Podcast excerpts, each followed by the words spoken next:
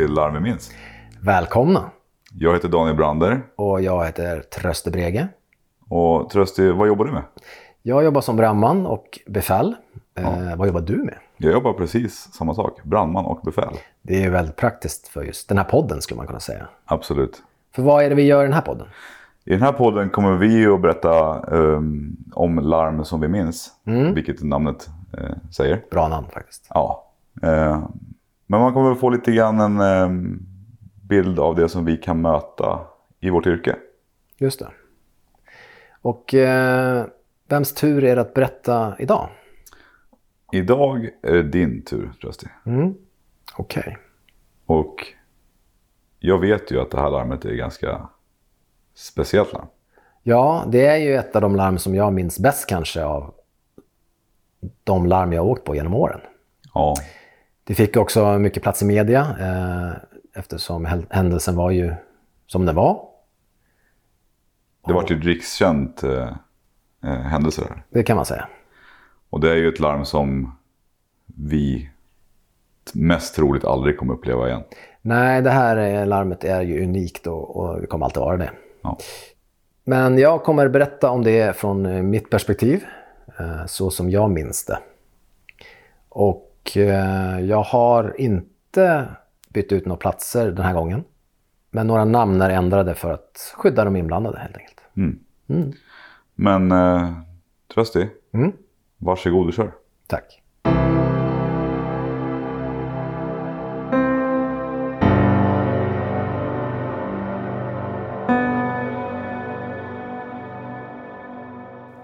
Klockan är strax efter ett på natten när vi kommer tillbaka till brandstationen. Vi har varit ute och släckt två brinnande bilar på en parkering någonstans i Södertälje. Det har varit några sådana larm de senaste nätterna och den här fredagsnatten är inget undantag.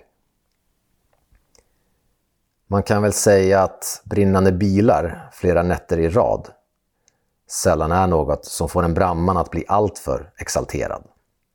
Så stämningen är rätt så dämpad i brandbilen när vi svänger in framför brandstationen. Efter att vi backat in brandbilarna är det rutin att återställa vår utrustning. Alla vet vad de ska göra och vi har faktiskt inte använt så mycket av vår utrustning på larmet. Så vi fyller brandbilen med nytt vatten och byter ut några skitiga slangar bara. När allt är klart börjar vi röra oss mot våra rum där vi kan vila till nästa larm. Eller om man har tur tills det är dags att gå av passet. Någon önskar oss andra godnatt och alla försvinner in på sina rum. Jag har börjat klä av mig när det plötsligt kommer ett sms på telefonen som befälet alltid bär på sig. Vilket är jag den här natten. Jag kollar på klockan och undrar vem det är som skickar sms tio i två på natten. Motorvägsbron är öppen mellan 02.00 och 02.20. Välj en annan väg, står det. Ja, just det, tänker jag. Vår larmcentral testar att skicka ut den informationen eftersom de vet att jag är vaken. Rutinen är vanligtvis att de berättar det för oss om vi åker på larm vid den tiden. Men i natt passar de alltså på att prova ett nytt sätt. Men vad bra, tänker jag. Det är ju bara tio minuter bort. Då ska nog jag förhoppningsvis inte vara ute och åka någon brandbil. Sen lägger jag mig i sängen och släcker lampan. Det kalla ljuset slår mot mig och larmsignalen ekar helt plötsligt i rummet. Jag reser mig ur sängen och börjar klä på mig kläderna. Han jag ens somna, tänker jag, innan en röst börjar prata ur högtalarna. Förmodad bil i vattnet vid motorvägsbron, säger rösten. Vid motorvägsbron, tänker jag. Vad sjukt att jag precis fick ett sms om broöppningen. Jag går ut i rummet och åker brandstången ner till rummet med larmkläderna och vagnhallen där brandbilarna står. Väl nere har några kollegor redan börjat klä på sig dräkterna som gör att de kan jobba i det kalla vattnet. Och de hjälps åt eftersom det är lite meck att få på sig dem. Ska vi ta med oss båten? frågar någon. Ja, gör det, svarar jag medan jag gör mig klar. Det är helt klart ett annat tempo på gruppen än på larmet innan. Och nu rör sig alla med bestämda steg mot brandbilarna. Och snart är vi på väg ut i natten med blinkande blåljus i riktning mot motorvägsbron. Informationen från vår larmcentral är knapphändig och faktiskt lite förvirrande. I alla fall för mig. Man misstänker att något har hänt i samband med broöppningen. En bil har passerat bron och sett delar från en sönderkörd vägbom ligga utspridd på vägbanan och sen ringt till 112. Ingen mer information har kommit fram, utan tanken är att vi helt enkelt får åka dit och se om vi kan hitta några tecken på en olycka under bron. Det är också fler ledningsbilar larmade och dykare på väg ner från Stockholm för att hjälpa oss om det skulle behövas. Passerat bron och sen ringt 112, tänker jag. Då har broöppningen alltså redan varit. Undra vad klockan hunnit. Chefen, ropas det plötsligt från baksätet. Hur gör vi med båten? Ska vi två lägga i den i vattnet vid Slussen och sen åka bort till bron och möta er där? Frågar plötsligt en av brandmännen. Det är nu knappt en kilometer tills vi passerar Slussen och frågan är om vi ska stanna till där och släppa av två brandmän och båten innan vi andra åker vidare bort till motorvägsbron. Nej, det tar för lång tid, tänker jag. Vi behöver först och främst åka till platsen och se vad som hänt. Risken att vi kommer behöva båten i den smala kanalen är så pass liten att det är värt att åka vidare, resonerar jag. Vägen ner till brofästet går via en smal cykelväg som ringlar sig ner mot kanalen. När vi kommer ner åker vi en kort sträcka längs med kanalen tills vi till slut stannar framför en av broarnas brofästen. För det är inte en bro vi står framför, utan tre broar av betong och stål som reser sig 25-30 meter upp mot natthimlen. Den enda belysningen vi har kommer från våra strålkastare och vi kan se hur några mörkklädda personer rör sig på båda sidorna av kanalen. Är polisen redan här och letar? frågar någon från baksätet. Jag öppnar förardörren och kliver ut och blir direkt uppmött av en kollega från polisen. Jag tittar upp mot motorvägsbron som är placerad i mitten av broarna och noterar att den har gått ner och ser ut att vara öppen för trafik igen. Polisen börjar berätta vad hennes kollegor hittills hunnit göra. De är två polispatruller som valt att söka av varsin sida av kanalen efter tecken på någon olycka, men har ännu inte hittat något.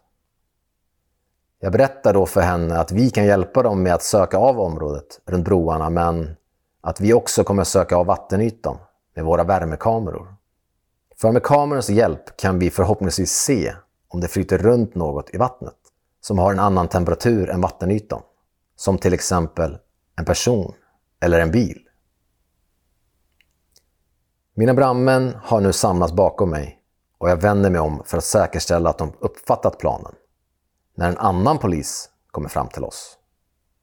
Varför blev vi larmade nu? Bron gick ju ner för 40 minuter sedan, säger han och slår uppgivet ut med armarna. Jag känner hur mitt blod nu rusar genom kroppen. Vad fan är klockan egentligen? Jag tar upp mobiltelefonen och känner hur jag nu blir klarvaken av det jag ser på skärmen. Klockan är 03.00.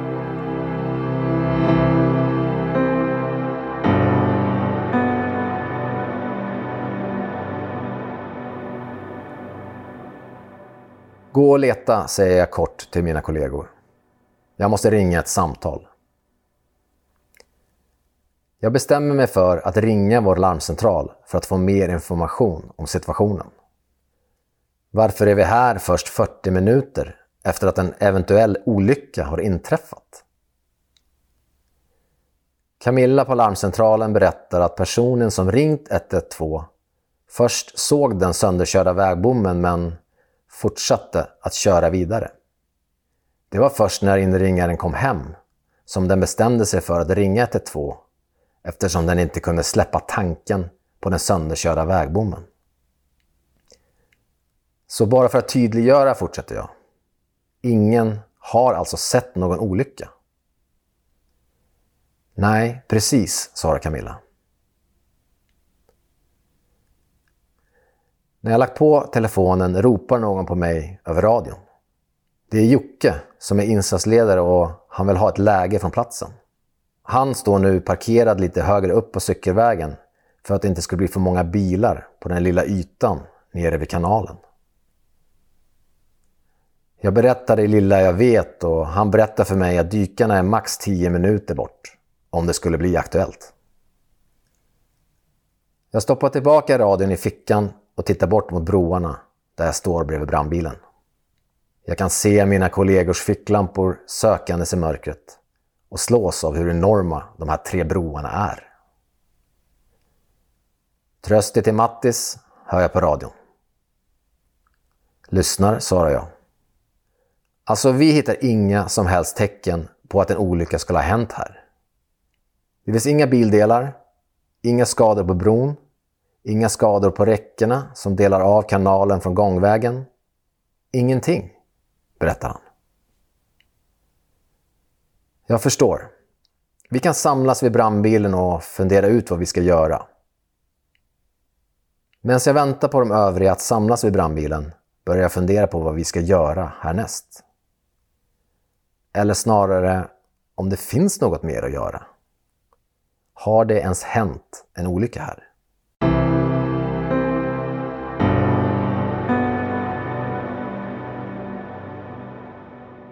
Brandmännen redovisar snabbt vad de gjort när alla är tillbaka vid brandbilen.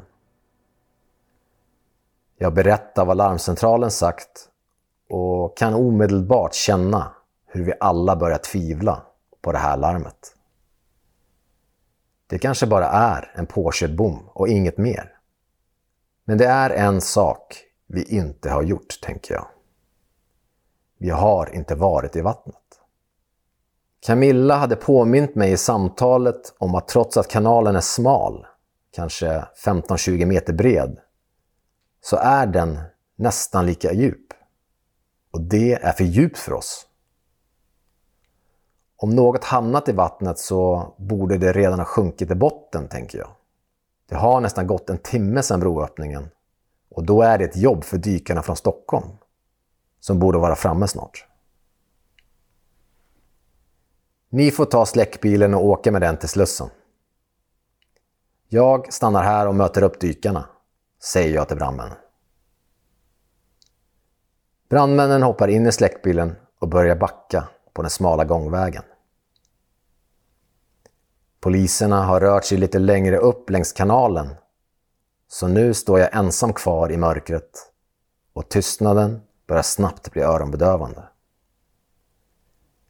Visst, det finns svag belysning som lyser upp brofästena, men den märker jag knappt av. Jag går igen igenom det jag vet i huvudet. Har jag verkligen tagit rätt beslut att skicka iväg mina brandmän? Jag har väl inte missat något? Jag tar upp en värmekamera i fickan och börjar söka över vattenytan. Tänk om jag ser något i kameran nu, tänker jag. Vad fan gör jag då? Efter några minuter kommer två skåpbilar dundrandes ner mot kanalen. De stannar där vi stått innan och ut kommer ett befäl i min ålder. Micke, dykledare, säger han och jag presenterar mig tillbaka. Jag berättar kortfattat vad vi gjort och framförallt vad vi inte gjort. Vi har inte varit i vattnet. Han frågar vilken av broarna det handlar om och jag pekar ut bron i mitten. Den första bron är en lokal väg. Den i mitten är motorvägsbron och den längst bort är en tågbro för pendeltågen. Micke tittar upp mot motorvägsbron och sen ner mot vattnet. Nej, men vi går väl i under bron där och ser om vi kan hitta något, säger han. Jag meddelar Jocke om vad vi har kommit överens om och han tycker att det låter som ett helt rimligt beslut. När jag avslutar samtalet med Jocke ser jag att två av dykarna redan är på väg ner i kanalen. Det gick fort, säger jag till Micke. Ja, de har ju haft tid på sig att göra sig klara på vägen hit. Så de behövde i princip bara kliva ur bilen, förklarar han. Jag ser de två dykarna försvinna under vattenytan samtidigt som mina brandmän meddelar att de är på väg med båten. Jag tänker att jag kanske ska passa på och titta lite på dykarnas specialbilar när Micke helt plötsligt ropar till. De har hittat en person. Han pausar till som att han får ett nytt besked i örat från dykarna. Men dykarna bedömer att det är en kropp som har legat i vattnet en längre tid, avslutar han. Har vi av en ren slump hittat en kropp som legat i kanalen en längre tid? Det kan inte vara sant, tänker jag. Jag meddelar Jocke som direkt skickar ner en av ambulanserna som stått parkerad uppe vid honom. Jag ser också hur poliserna börjar röra sig tillbaka till oss, som om att beskedet nått även dem. Några av mina brandmän är tillbaka och hälsar att vår båt är bara några minuter bort. Vi står nu ett flertal brandmän och poliser under motorvägsbron redo att hjälpa till med att bärga kroppen ur vattnet, upp på gångvägen. Ambulanspersonalen börjar förbereda en plats där vi kan lägga kroppen när vi fått upp den. När vi kan se ena dykarens huvud komma upp vid vattenytan vänder sig Micke plötsligt till mig och säger Den andra dykaren har hittat en krockad bil på botten.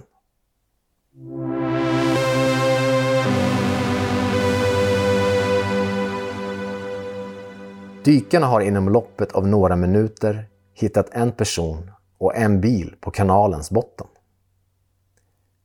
När kroppen är uppe ur vattnet är vi snabbt överens om att den troligen inte legat i vattnet så länge ändå. Och nu börjar kanske den märkligaste natten i min karriär att ta form på riktigt. Kroppen är en avliden ung men vuxen man. Vi hjälper ambulansen att på ett värdigt sätt linda in honom i filtar innan han ska transporteras iväg. Poliserna kollar först igenom hans fickor för att hitta något som kan identifiera honom. Då kommer ett meddelande till från kanalens botten som vi inte väntat oss. Dykarna har hittat en person till i den krockade bilen.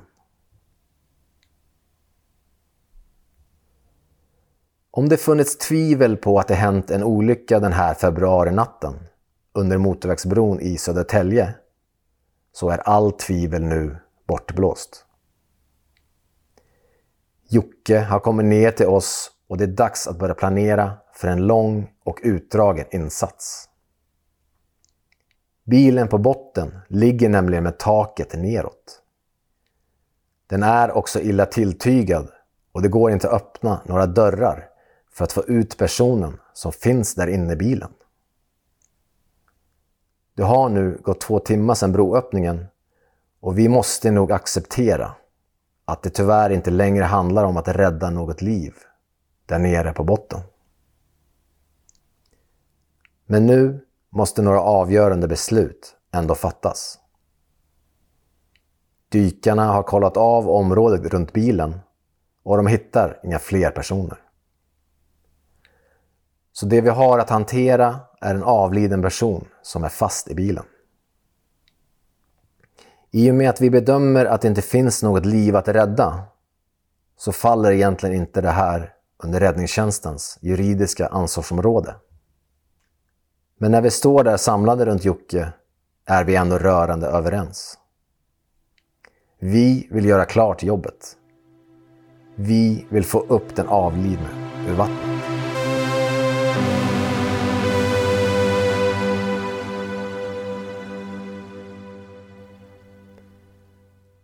Planen blir att beställa en kranbil som kan lyfta ur bilen rakt upp ur vattnet och att sedan ta ur personen med våra klippverktyg som vi använder på trafikolyckor.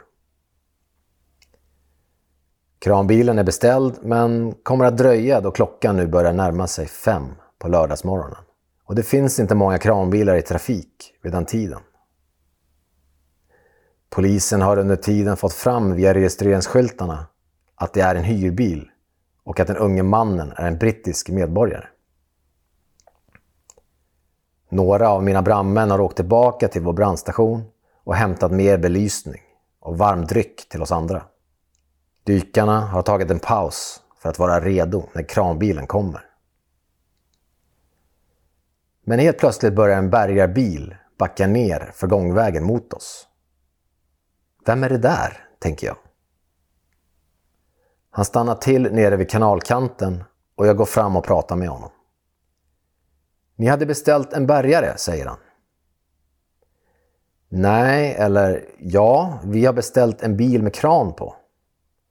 Jag ser ingen kran på din bil, säger jag. Nej, vi har haft svårt att få loss en bil med kran. Så de skickar hit mig så länge, tills en bil blir ledig, svarar han. Vi andra döljer vår irritation och samlar nu ihop gänget för att snabbt planera om. Vad kan vi göra med det vi har? Bärgarbilen har en stålvajer och vinsch vi kan använda till att dra upp bilen. Men vi slår snabbt fast att vi inte vill dra bilen på taket ur vattnet.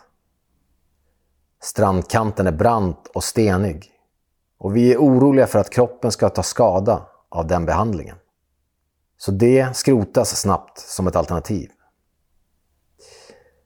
En av brandmännen föreslår att vi istället för att bärga bilen med stålvajen kan använda den till att få upp förardörren och på det sättet få ut personen. Och vi bestämmer oss för att prova den idén.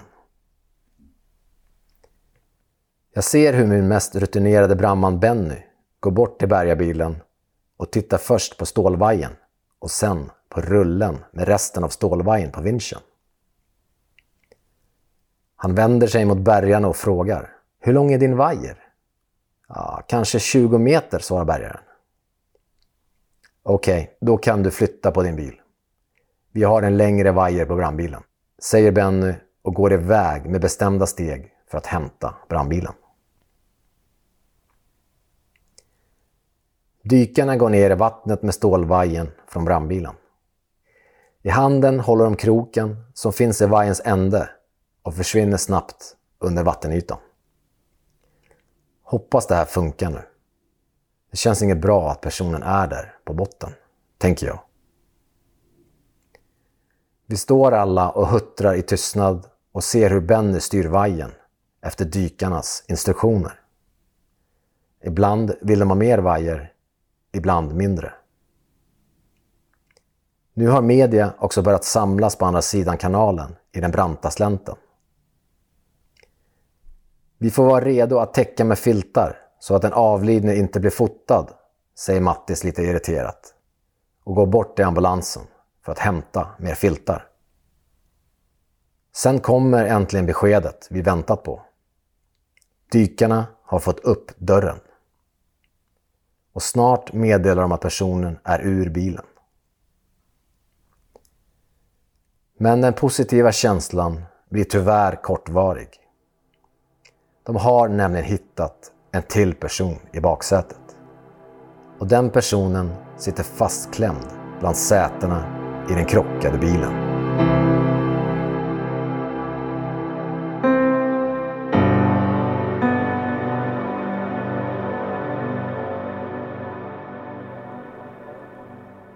Solen har nu börjat gå upp och vårt arbetspass börjar lida mot sitt slut.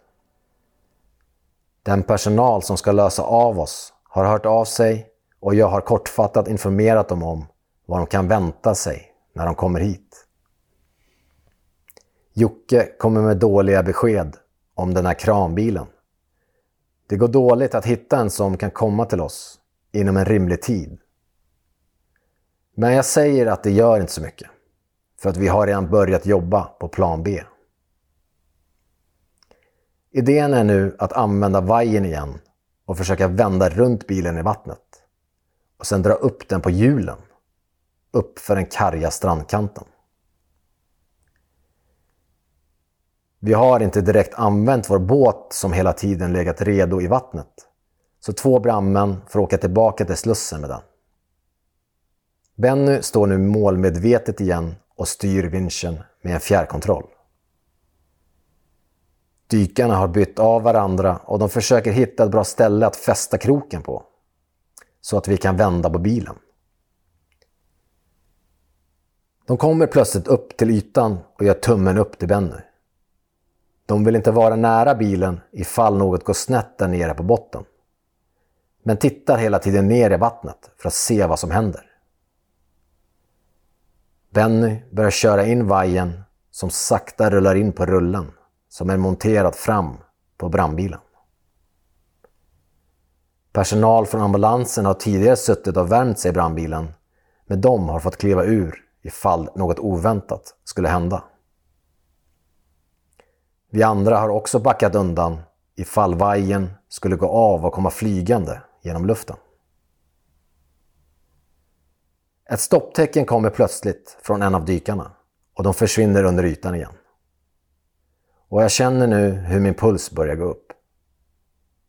Den har vänt på sig, säger Micke plötsligt. Och jag känner hur lättnaden sköljer över mig.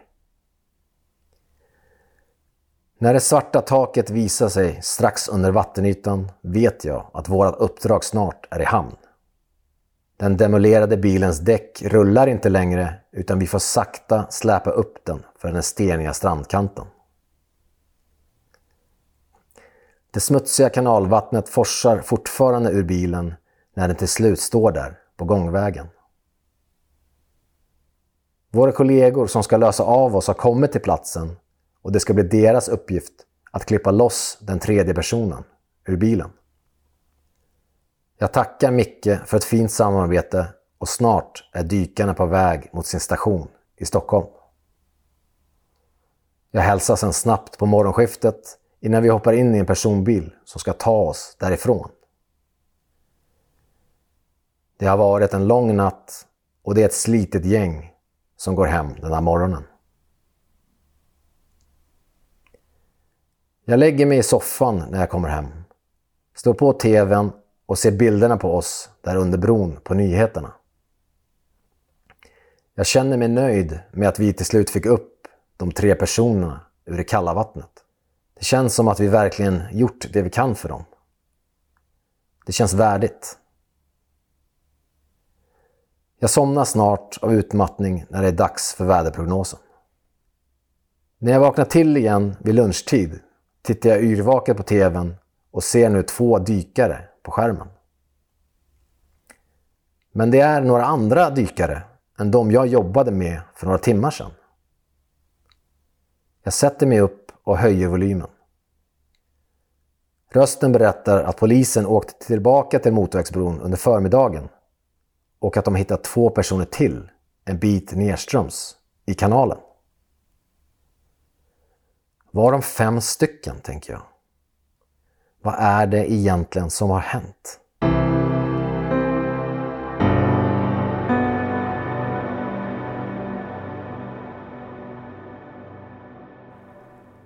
När mitt skift träffas igen på söndagen får vi också veta att det var de fyra medlemmarna i popbandet Viola Beach och deras manager som omkom i olyckan. De hade haft en spelning i Norrköping och var vid olyckstillfället på väg tillbaka till sitt hotell vid Arlanda. Men vad var det egentligen som hände den där kyliga februarinatten?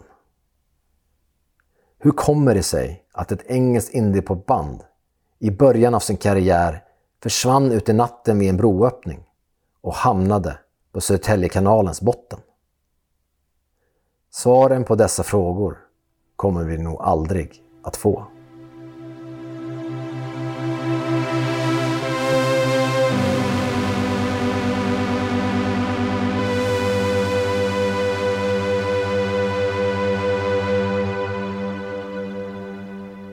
Trösti. Hur eh, kändes det att åka på det här larmet? Ja, det är ju... Det är ju så himla tragiskt hela grejen. Det är jättetragiskt. Eh, och det hade ju verkligen räckt med tre personer som omkommer. Sen att det är senare på dagen där det blir fem är ju bara för mycket att ta in nästan. Liksom. Ja. Men det är ju någonting jag får bära med mig. Eh, vi alla som var där får ju bära med oss. Ja, alltså. Ja, men när ni kommer ner och hittar en person. Då tror man ju att det är klart. Liksom. Ja, verkligen. Alltså. Det är ju det är ju egentligen en person för mycket. Liksom. Det är det. Ja. Trodde ni ens på det här när ni kom fram? Jag ska vara helt ärlig och säga att jag, när jag inser att det gått så pass lång tid sedan bron gick ner, eller sedan själva broöppningen, Ja. att det inte kändes... För att jag menar, man brukar ändå hitta någonting. Ja. Alltså, det hade räckt med glas ifrån en lykta på bilen på backen så hade vi ju hittat någonting. ja. Men det fanns ingenting att hitta. Inte ett spår. Liksom. Nej, så då blir man väldigt så här, det i kombination med tiden. Kanalen är väldigt, väldigt smal. Ja. Att bilen skulle just hamnat just mitt i kanalen är ju, känns ju inte troligt. Nej. Men nu har den gjort det. Så det var mycket så här äh, sannoliks- sannolikhetssaker som eh, spelade emot oss. Men trots det så är det ändå, har man det ändå i sig att vi måste göra klart jobbet. Mm. Och när jag liksom, som jag berättar, inser att vi inte har varit i vattnet, men vi har vattenproffs på väg ner. Att det är det vi ska göra nu. Ja. Men jag trodde inte att de skulle hitta något. Nej. Alltså jag känner ju till den här äh, brofästet också. Mm. Den platsen. Och det... Nej, jag... Hade jag kommit ner dit också och sett det ni såg så hade man inte heller trott. Alltså jag hade inte trott på det. Nej. Men också är det, det är också märkligt med liksom att det märkliga som jag kan se i det här också är att ingen har larmat tidigare. Nej, det är ju väldigt konstigt. Och framförallt, och det här blir också bara konstigare och konstigare när tiden går, desto mer tiden går. Ja, För jag menar, det finns ju videoinspelningar på hur den här bilen passerar kön. Som står, så man står ju still på motorvägen där medan bron öppnas. ja, Passerar ju kön på insidan. ja. Eh, och sen försvinner iväg mot bron. Men ingen har sett den åka i vattnet. Eller, Nej, det är mycket märkligt. ja. Men eh, ja. Ja, Sen pratade du också om det här med eh, att det har gått så lång tid. Och att du fick ett sms där från Just räddningscentralen. just det, de höll på att testa det lite. Ja. Och det kan jag ju också förstå väldigt väl när man eh, går och lägger sig på, eh, på jobbet och sen så har man så går det larm och, lampan tänds och, Just och så tänker man att jag har ens somnat liksom. Ja. Men det kan ha gått fyra timmar sedan Ja. man gick och la sig liksom. Ja, det är ju märkligt. Eh, Jag var ju övertygad om att jag inte hade somnat. Nej. Eh, Vilket ju rörde till i mitt huvud bara egentligen. Ja. Eh, Och jag hann aldrig kolla på klockan eftersom det var så mycket annat att tänka på hela tiden. Det här är väldigt specifikt, alltså spe- speciellt larm. Ja, så att det var ju mycket liksom tänka framåt, planera. De fick mycket frågor. Vi var tvungna att snacka ihop oss på vägen ut. Eh, Så att just det här lilla grejen att titta på klockan prioriterades ner hela tiden. Ja. Eh, Men sen som sagt när den här polisen kommer fram och säger det där, då, då på något sätt, det liksom klingar ju rätt ändå. Det är liksom bitarna faller lite på plats. Mm. Men jag måste ju ändå titta på klockan för att tro på att det verkligen är sant. Ja. Eh, Men då är, det ju också, då är det också ännu märkligare att det har gått så lång tid. Ja, exakt. Så det precis. Det blir Så det ställer till det för dig plats, också. men också rör till det. Ja. Ja, ja, exakt. Det är helt korrekt. Det är märkligt det där. För det här med tidsuppfattningen är ju, som jag var inne på där, den är ju den är märklig. Alltså, Mm. jag har ju åkt på larm några gånger på jobbet när man liksom... Man, man har gått och lagt sig och sen går larmet och så tror man att det var, man, man tror att klockan är 12. Mm. Men när man kollar på klockan sen så är klockan fem liksom. Mm. Så det, det spelar ju ett spratt. Mm. Men eh, du var ju befäl på den här insatsen. Mm. Hur var det att leda den? Eh, jag var ju själv befäl i början. Ja, Eh, och då var det ju några beslut som skulle tas. Eh, vilket var ju svårt för att det fanns inte så mycket underlag för att ta beslut. jag hade ingenting att gå på. Ingenting. Vi hittade ju ingenting och sådär. Men sen så byggs ju strukturen upp och insatsledaren kommer ju och blir liksom befäl över hela grejen. Ja, Eh, dykarna kommer dit och har med sin eget, eget, har ju med sig ett eget befäl. ja, Så jag blir ju befäl över mitt gäng och även ska samordna så att vi kan samarbeta med varandra Ja, där precis. nere. Och rapportera till insatsledaren. Mm. Och det är ju, alltså det som är med brandmän är ju att brandmän är ju, som du vet, problemlösare. ja, Så det finns ju gott om idéer hela tiden. Eh, Det är ju aldrig ett problem. nej, Utan mitt jobb ju mer att hålla alla liksom ja, men pigga och glada eller liksom orka. Och Alla de ta här kalla beslut timmarna. på de här idéerna. Ja, exakt, och så får man ju ta den idé man känner att är rimligast. Liksom. Mm. Precis, för någon ska ju ta beslutet, absolut. Men idéerna var ju många goda liksom och samverka, det är ju det som blir. Och jag tänker också att jag kanske ska nämna det. Att den här stackars bärgaren då som eh, eh, inte blir utskälld men eh, blir flyttad åt sidan en stund. Ja, Han får ju göra en stark comeback eh, på slutet. okej. För att när vi drar upp bilen sista biten upp för slänten på, på de här hjulen då, som inte snurrar längre. Ja, För bilen är så pass krockad. Det är ju en bärgarna bäst på. ja, Det gör ju de varje dag liksom. Så att eh, bärgaren kom till god nytta där sen. Då fick han sin revansch. Det kan man lugnt säga. Sen är du också inne på det här med eh, att ni vill göra klart det här jobbet. Eh, fast det inte då är ett jobb för räddningstjänst egentligen. Mm. Alltså utan att snurra in oss för mycket i det ju- juridiska. Men så är det ju faktiskt så att, eh, att söka eller bärga döda människor. Det ansvaret ligger inte på räddningstjänsten. Det ligger på polisen. Mm. Men vi är ju alla rörande överens om att vi vill göra klart jobbet. Eh, och även då våra chefer högre upp i kedjan går ju helt, klart, går ju helt med på det. Ja, Så det är ju väldigt skönt att vi som organisation och som brandkår är, vi har ju flera brandkårer där, ändå liksom ser det som det viktigaste, ja, människorna. Mm. Eh, Så det är jag ju väldigt stolt och nöjd med, att, eh, att ingen liksom satt på tvären.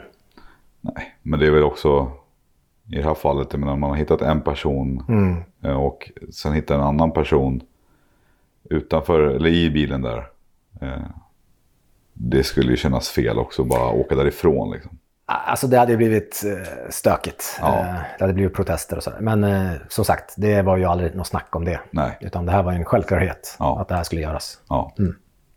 Och det är ju det är skönt att, man, att vi får den möjligheten då, att göra det också. Att få göra vad det vi tycker är vårt jobb. Ja.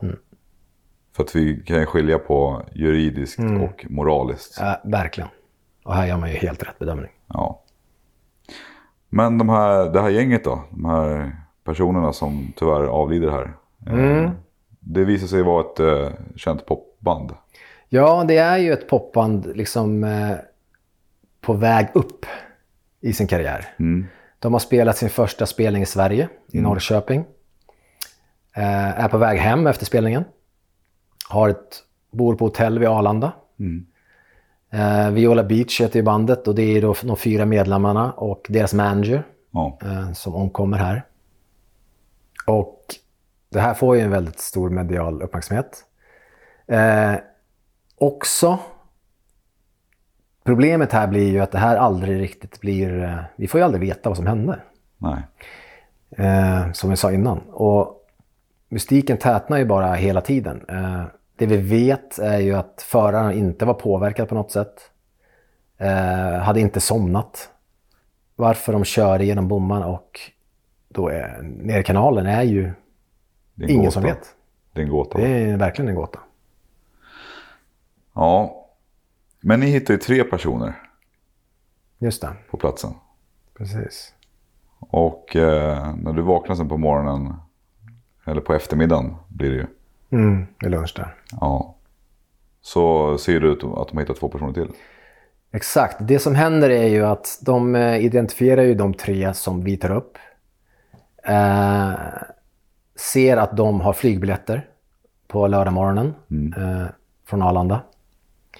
Kontaktar eh, Arlanda och Arlanda berättar då att det är fem personer som, som inte kom till flyget. Okej. Och de andra två är också då brittiska medborgare. Och eh, kommer från samma stad som, eh, ja i alla fall två av de andra.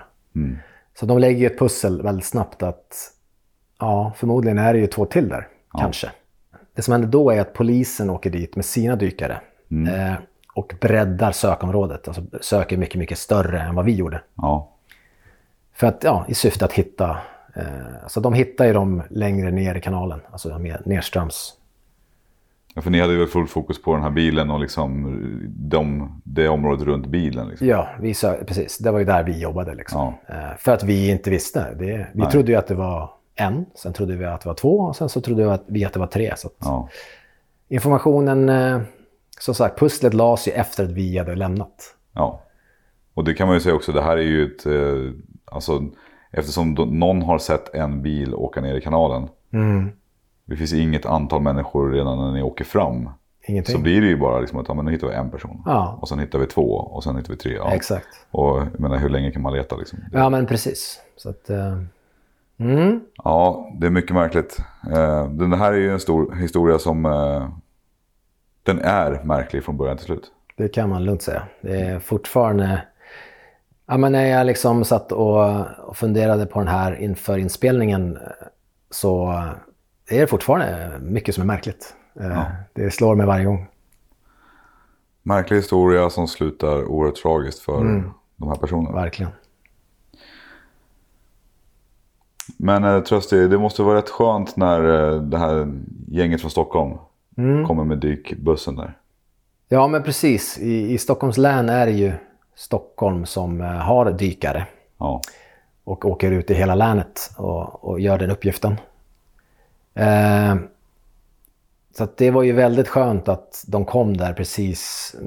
Ja, det var ju väldigt skönt att de kom där en stund efter att mina brandmän hade lämnat. ja, Och eh, var ju helt klara att börja jobba. Eh, det gick ju väldigt smidigt. Och eh, problemet är ju att mitt gäng, vi kan ju bara, eller vi förväntas ju bara kunna dyka kanske 3-4 meter. ja, I den här kalla kanalen med den sikten som var eh, temperatur ute och sådär så är det ju 3-4 meter bra om vi klarar alltså. mm, Så att vi hade ju inte hittat någon bil, det vet vi ju nu. Men eh, så det var lika bra att de fick göra jobbet från början till slut. Eh, det kändes eh, helt rätt. Vet man hur långt bilen, eh, eller hur djupt bilen låg? Ja, kanalen på den här platsen är ju 12 meter eh, djup. Och den låg ju på botten så att eh, ja, Någonstans där. någonstans där blir det ju. Och dit kommer vi aldrig komma ändå med våra grejer. Så Nej, så det var ju inte ett alternativ eh, egentligen. Framförallt om vi hade vetat att det var så. Så hade inte det varit ett alternativ ändå. Nej, att skicka precis. in mer personal. Det här är ju också en farled för eh, stora containerfartyg och fraktfartyg som går in i Mälaren också. Ja. Ehm, men jag vet inte, minns jag fel eller fick de inte stoppa även den eh, tåg, båttrafiken in där? Återtrafiken stod still eh, under hela vårt arbete. Så det var ju trafikstopp. Ja. Ja, men eh, tack Trösti för en mycket intressant historia. Tack själv. Det kommer ju fler i andra avsnitt sen. Absolut. Eh, ni kan gärna följa oss på Instagram. Eh, larm vi minns. Precis. Eller om ni har frågor eller funderingar, mejla oss gärna på hej larmvimins.se. Mm. Ställ frågor högt och lågt. Absolut. Ska vi nöja oss där? Det tycker jag. Tack för idag Trösti. Tack själv, Brander.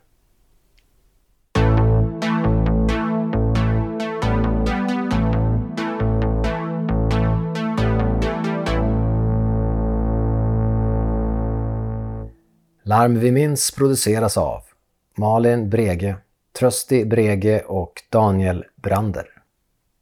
Ljud och musik Marcus Söderberg.